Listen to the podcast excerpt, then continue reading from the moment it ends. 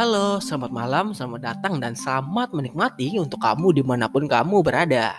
Nah, kali ini nih, untuk podcast perdana aku, aku pengen bahas mengenai hoax. Sebelum masuk ke pembahasan nih, aku pengen kasih sedikit disclaimer mengenai podcast ini. Jadi, semua perkataan yang aku tuturkan dalam podcast ini murni hasil dari pemikiran aku dengan beberapa referensi yang sudah aku baca. Oke, langsung saja nih kita masuk ke pembahasan ya. Nah, berbicara tentang hoax, pasti kalian tahu apa itu definisi hoax. Karena aku yakin sih, kalian lebih berpengalaman di media sosial ketimbang aku. Jadi, dari beberapa sumber yang aku baca nih, hoax adalah penyampaian informasi atau berita yang menyimpang dengan tujuan keuntungan pribadi. Nah, jadi para pembuat hoax atau yang biasa disebut oknum membuat suatu berita uh, yang tidak sesuai dengan fakta untuk keuntungan mereka entah itu keuntungan berupa uh, ekonomi atau hanya kesenangan pribadi gitu. Nah, kalau kita lihat dari definisi hoax tersebut, kalau menurut aku cukup serem juga sih ya. Ya, karena kita tahu sendiri nih, dewasa ini informasi sangat mudah sekali diakses di mana pun dan kapan pun kita mau ya. Karena itu uh, orang-orang mudah sekali mendapatkan informasi hoax dari entah itu dari media sosial mereka atau dari uh, berselancar di internet gitu. Tapi setelah dipikir-pikir nih, um, hoax adalah hal yang wajar juga, hal yang wajar juga ya, dan bakal terjadi sih untuk negara-negara yang menetapkan kebebasan berpendapat di internet. Seperti negara kita ini ya bisa dibilang bahwa hoax adalah sisi negatif dari kebebasan berpendapat itu sendiri. Jadi uh, untuk karena berlandaskan kebebasan berpendapat nih, orang-orang di internet atau di media sosial nih, mereka ngerasa bahwa mereka bisa menyampaikan atau menyebarkan apa pun yang mereka inginkan di beranda media mereka. Entah itu berita atau pemikiran pribadi mereka kan.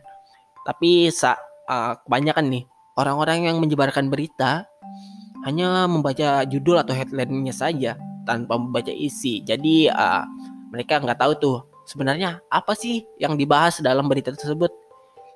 Karena kita tahu sih uh, sekarang tuh banyak ya di internet, di media-media sosial gitu, wah berita-berita yang judulnya merupakan judul-judul clickbait gitu, judul-judul yang membuat orang tertarik untuk mengklik berita tersebut walaupun ya judulnya mungkin nggak sesuai dengan isinya. Oke, kita kembali lagi nih ke pembuat hoax atau oknum-oknum tersebut. Atau uh, kalau nggak salah ada sebutan lain tuh da, untuk pembuat hoax ini.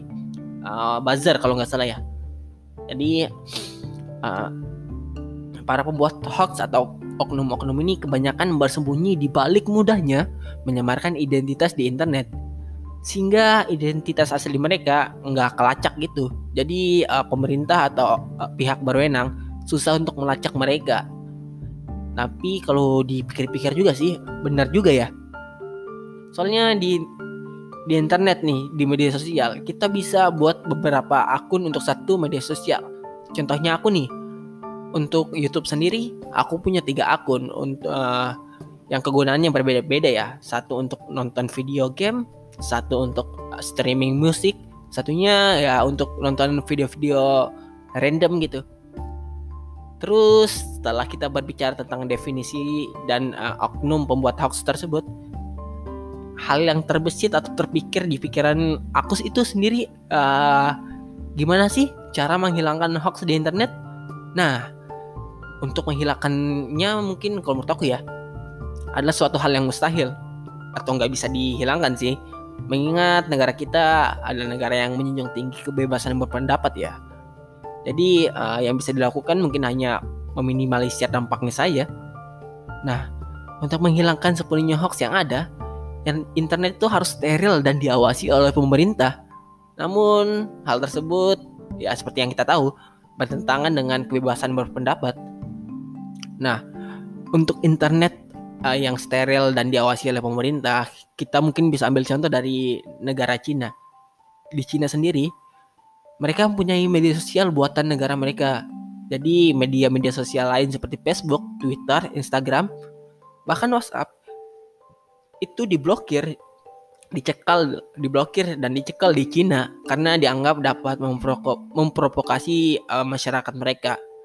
Nah, dengan begitu masyarakat Cina mau tidak mau ya harus menggunakan media sosial buatan negara mereka sendiri walaupun uh, mereka tahu kalau media sosial media sosial tersebut uh, diatur dan diawasi langsung oleh pemerintah mereka.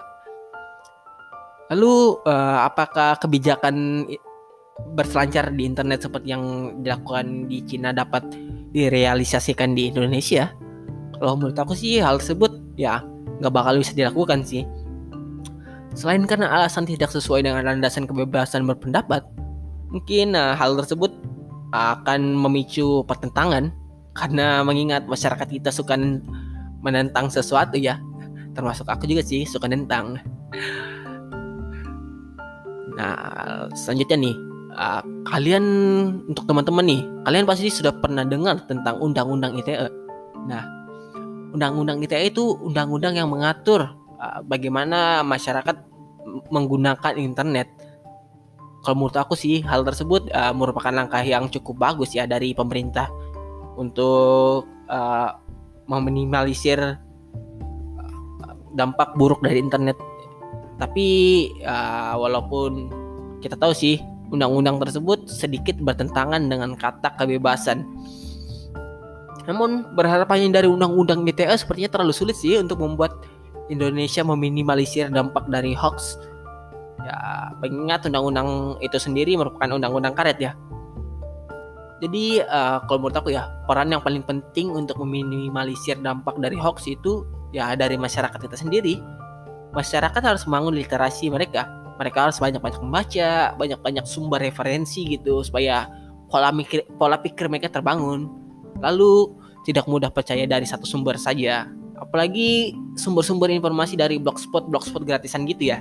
Karena kita tahu nih, blogspot blogspot gratisan tersebut uh, kebanyakan nih informasi yang ada di dalamnya adalah informasi yang uh, kredibilitasnya dapat diragukan gitu Lalu yang terakhir nih, masyarakat harus mengcross check ulang informasi yang mereka dapat.